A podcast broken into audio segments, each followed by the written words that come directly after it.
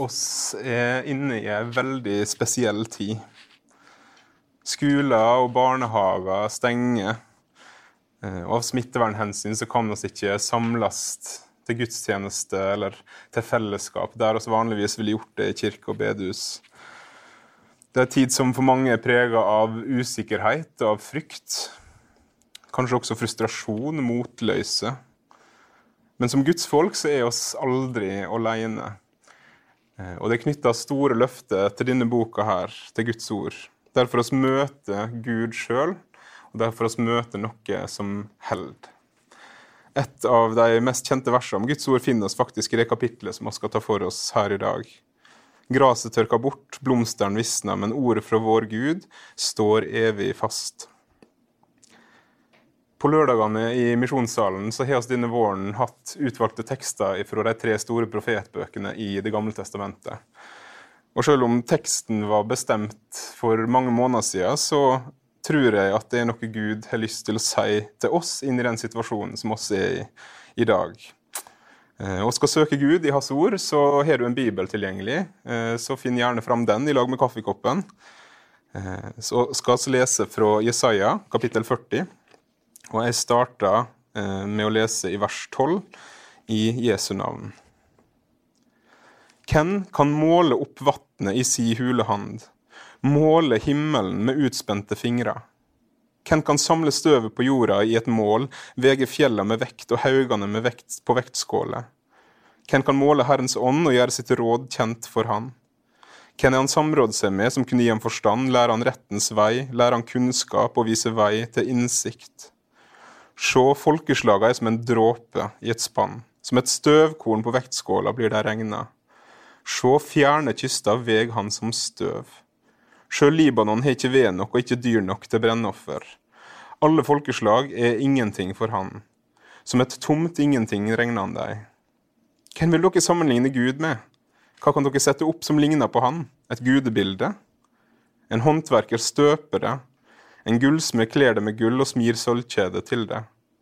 Et vigsla morbærtre blir valgt ut, et tre som ikke morkner. En dyktig håndverker blir leita opp, for det skal reises et gudebilde som ikke vakler.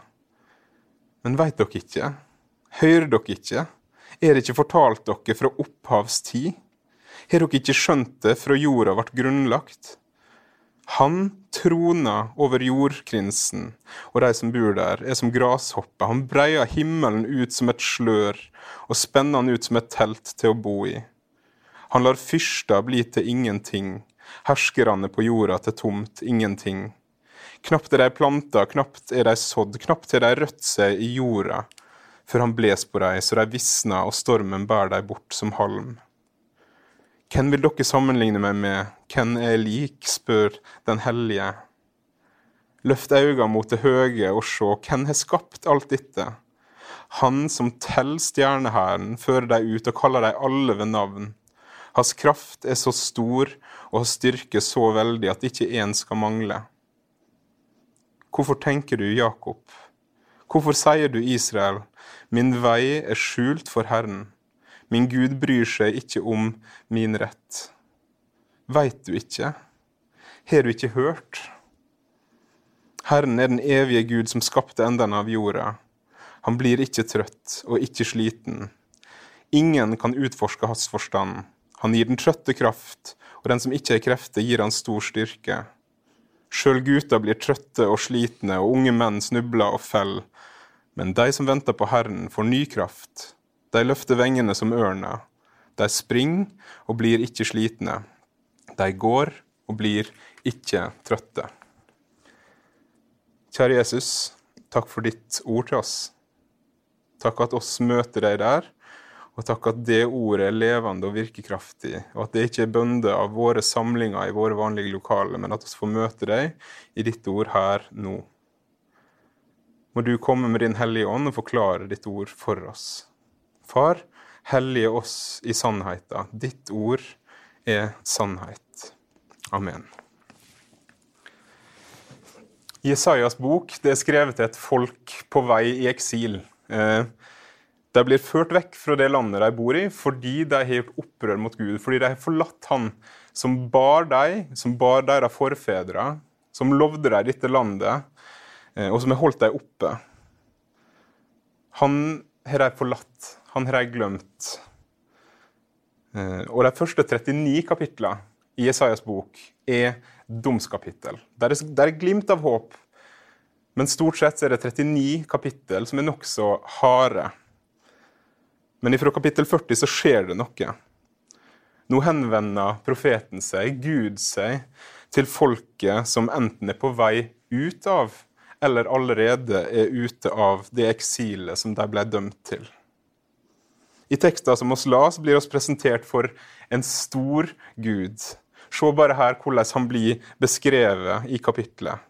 Se, Herren Gud kommer med styrke, han hersker med si arm. Han troner over jordkretsen, han breier himmelen ut som et slør. Han lar fyrster bli til ingenting.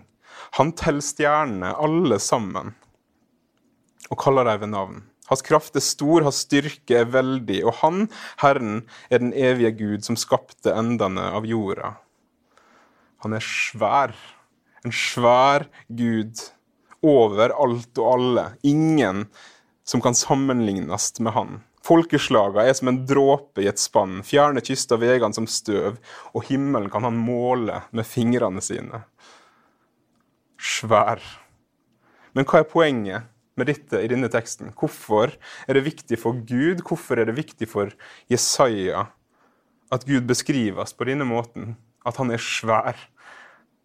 Og Svaret det finner oss helt, helt i starten av kapittelet og helt i slutten. I vers 1 i kapittel 40 så kan vi lese Trøst, trøst mitt folk, sier dere Gud. Tal til Jerusalems hjerte. Gud, han vil trøste. Alt det snakket om en Gud som er så svær at alt annet blir smått, det er ment som trøst. Trøst til et motløst folk. Trøst til et folk som føler seg glemt av Gud og forlatt av Han. Som føler seg hjelpeløse. Hvorfor tenker du, Jakob, hvorfor sier du, Israel, min vei er skjult for Herren min Gud, bryr seg ikke om min rett? Veit du ikke, har du ikke hørt? Han gir den trøtte kraft, og den som ikke har krefter, gir han stor styrke. Gud er Gud. Han sitter på trona, og han holder verden i si hand. Han er universet sin herre, og han er historia sin herre. Og samtidig, eller kanskje mer ut ifra dette, så sier han i dette kapitlet til sitt folk dere er ikke glemt. Jeg har fortsatt omsorg for dere. Jeg ser fortsatt til dere. Dere er fortsatt kjære i mine øyne. Dere er dyrebare for meg. Jeg vil gi dere det dere trenger. Han minner dem om hvem han er, sånn at de skal få se på nytt og tro på nytt at han kan, og at han vil gi dem det de trenger de er fortsatt hans folk, som han vil trøste. Til tross for alt som er blitt sagt i de 39 kapitlene som kommer foran, til tross for eksilet som de har vært igjennom, så er de fortsatt hans folk, og de er fortsatt dyrebare i hans øyne. Kanskje kan det være lett for oss også i denne tida å bli motløse og føle oss forlatt både av Gud og av mennesket Kanskje sitter du og er bekymra. Bekymra for om du kanskje blir sjuk og ramma av dette viruset. Eller bekymra for at noen du er glad i, skal bli ramma.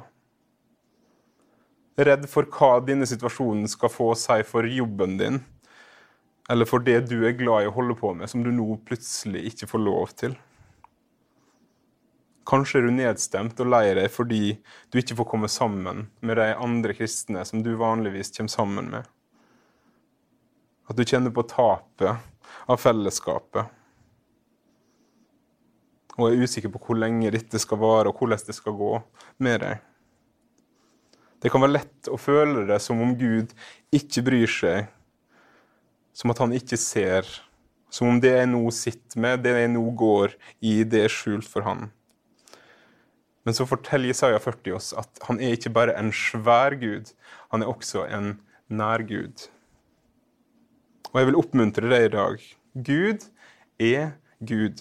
Han er den svære, allmektige Gud som skapte himmel og jord, og som holder alt oppe i si hand. Han er universets herre og historia sin herre, og han er den samme i går, i dag, ja, fra evighet til evighet. Han har ikke forandra seg. Og han har ikke forandra seg på denne måten heller. Han er fortsatt den nære Gud som ser til deg, som ser til oss.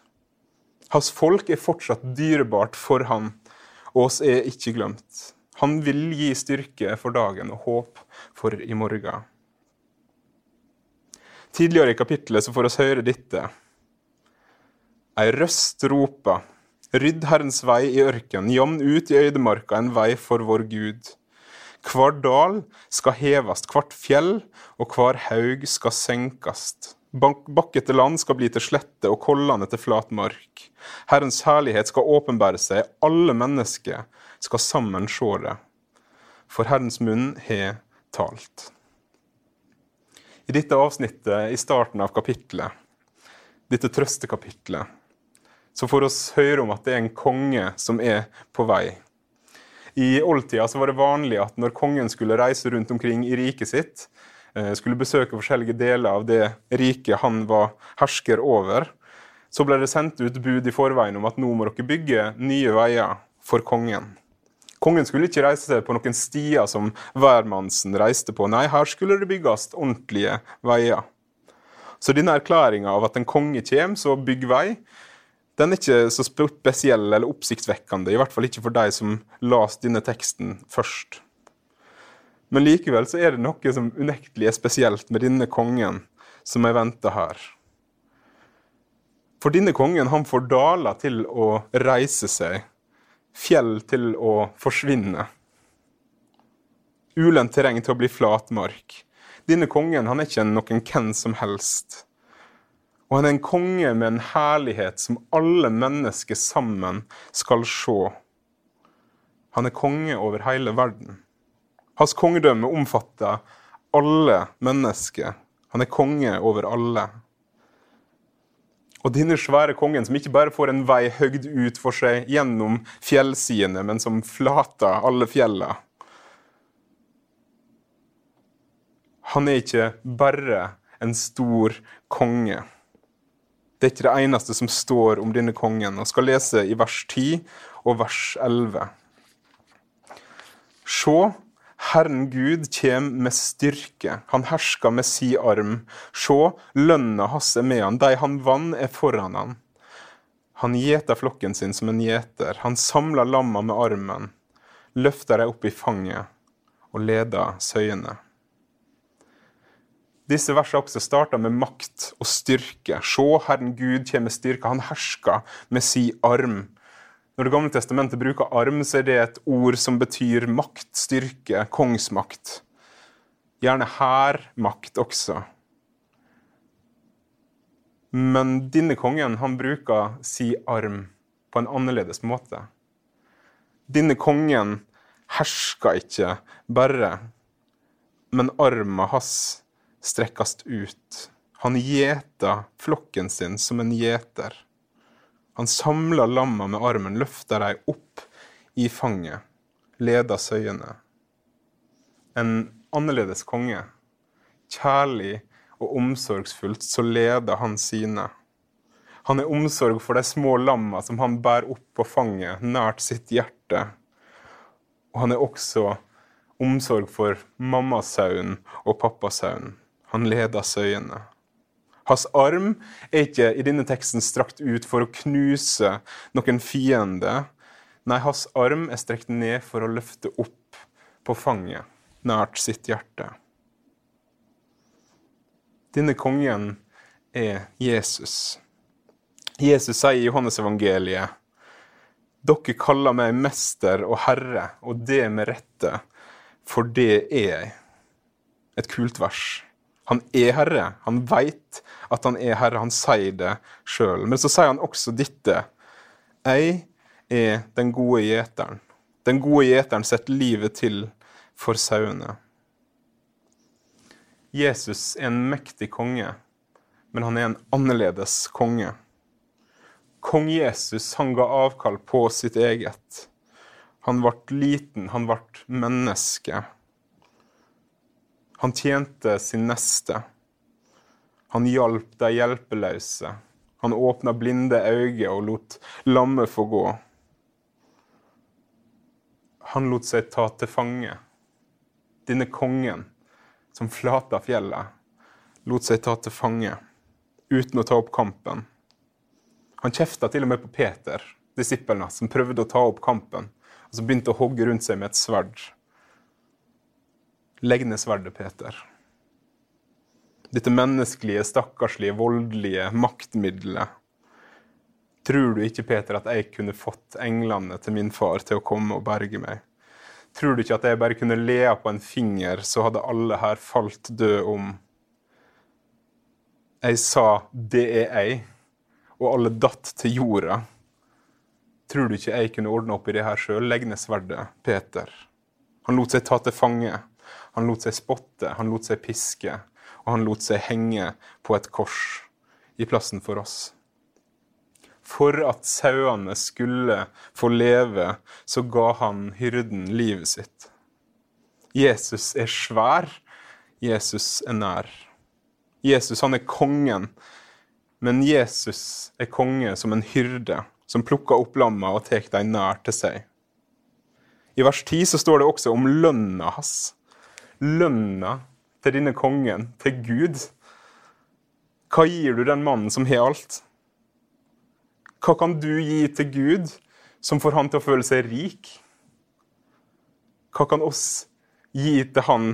Hva kan noen gi til han som han kan tenke Oi, dette var dyrebart for meg. Hva kan du gi til han som troner over universet, som teller navn på alle stjernene, som skapte denne jorda? Jo, i de versene så ser vi at hans lønn, det er de som han har vunnet. Det er oss. Oss får Gud til å føle seg rik. Oss er dyrebare for han. De som han har vunnet. Litt mer om oss og hva vi har fått, og hva det betyr at oss ble vunnet. Det finner oss i vers 2 i dette kapittelet. Rop til henne at hennes strid er fullført, at hennes skyld er betalt, at hun har fått dobbelt av Herrens hand for alle sine synder. Dobbelt. Guds nåde til oss, til meg, det er ikke bare så vidt nok. Guds nåde er ikke sparsom. På grunn av Guds nåde som er gitt meg i Jesus, så er ikke jeg bare tilgitt. Bare tilgitt. Jeg er blitt Guds barn. Jeg har ikke bare fått del i Jesu død, men jeg har fått del i hans liv, hans rettferdighet. Han levde det livet jeg skulle levd, og så tok han den straffa jeg skulle hatt, og så får jeg hans rettferdighet. Sagt på en annen måte, jeg ble ikke bare benåda. Jeg ble akseptert. Jeg ble adoptert. Jesus bytta plass med meg. Paulus han skriver han som ikke visste av synd, har han gjort det synd for oss, så oss skal bli rettferdige for Gud i Han. Og en annen plass ufortjent, og av Hans nåde blir de kjent rettferdig, frikjøpt i Kristus Jesus. Jesus han tok alt mitt, og så ga han meg alt sitt. Framfor Gud så er jeg ren og rettferdig. Jeg trenger ikke streve, jeg skal ikke fortjene, men jeg skal få lov til å tro og til å håpe og til å følge. Si jeg hadde gjort ei alvorlig kriminell handling. Jeg hadde blitt uh, dømt til 21 års fengsel, så ganske alvorlig det her, altså. Men plutselig så griper myndighetene inn og benåder meg. Det er ingen tvil om at jeg er den skyldige. Ingen nye bevis er kommet opp. Men jeg blir benåda. Jeg slipper ut av fengsel. Likevel så henger det ei mørk sky over mitt liv. Ingen kommer til å komme til meg og si 'hei, du burde komme og jobbe i mitt firma'. Og ingen kommer i hvert fall til å komme og si 'hils på dattera mi' og håpe at det skal føre til et ekteskap eller noe i den dur. Jeg hadde slitt med å finne venner, jeg hadde slitt med å finne jobb. Jeg hadde vært på sida av samfunnet sjøl om jeg var benåda. Sånn er ikke Guds nåde.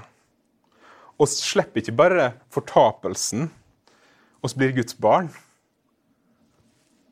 Vi får evig liv som Guds egne barn og Kristi medarvinger.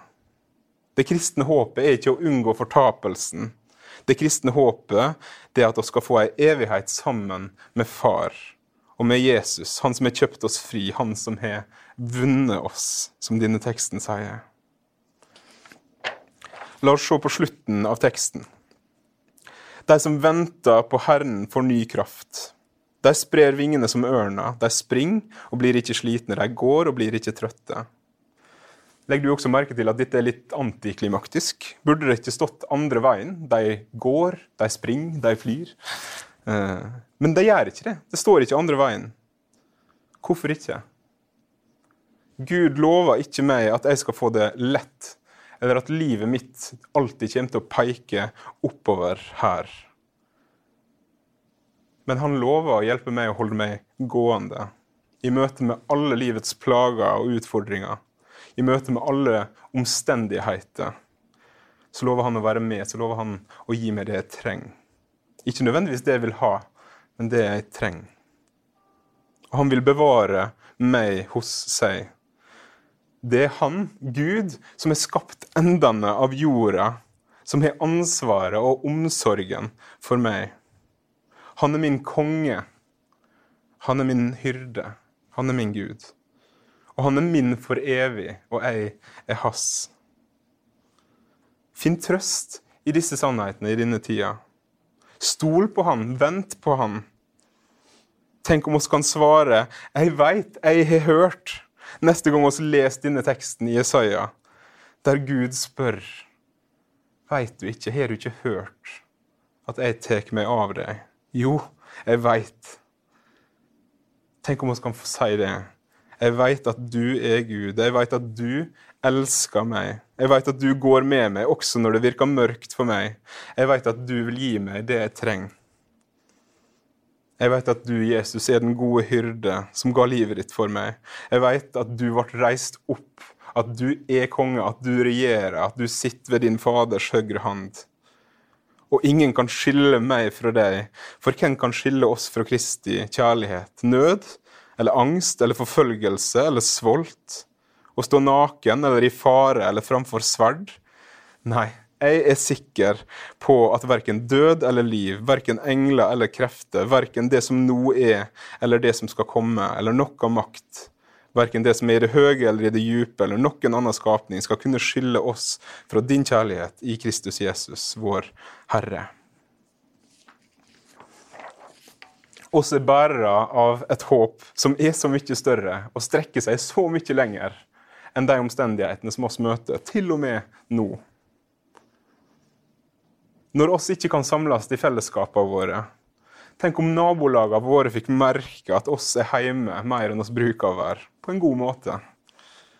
At Guds folk er der ute og lyser i mørket elsker sin neste, viser omsorg for sin neste, formidler håp og kjærlighet inn i ei tid prega av usikkerhet og frykt. La oss i trua på denne svære og nære Gud bruke denne tida til å dele det håpet som han gir.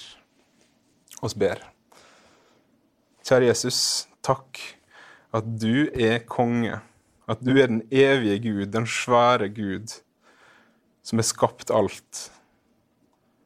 Som ser ned, og alt blir smått. Alt bleikner i forhold. Men takk at du også er den nære Gud. At du blei menneske, kom til oss, blei som oss, ga deg sjøl for oss. Og har gitt oss håp om evig liv, barnerett hos Gud, arv i himmelen til ditt rike. Må du fylle oss med håp og trøst i denne tida. Må du fylle oss med håp på en sånn måte at oss kan gi det videre, Jesus. I ditt navn. Amen.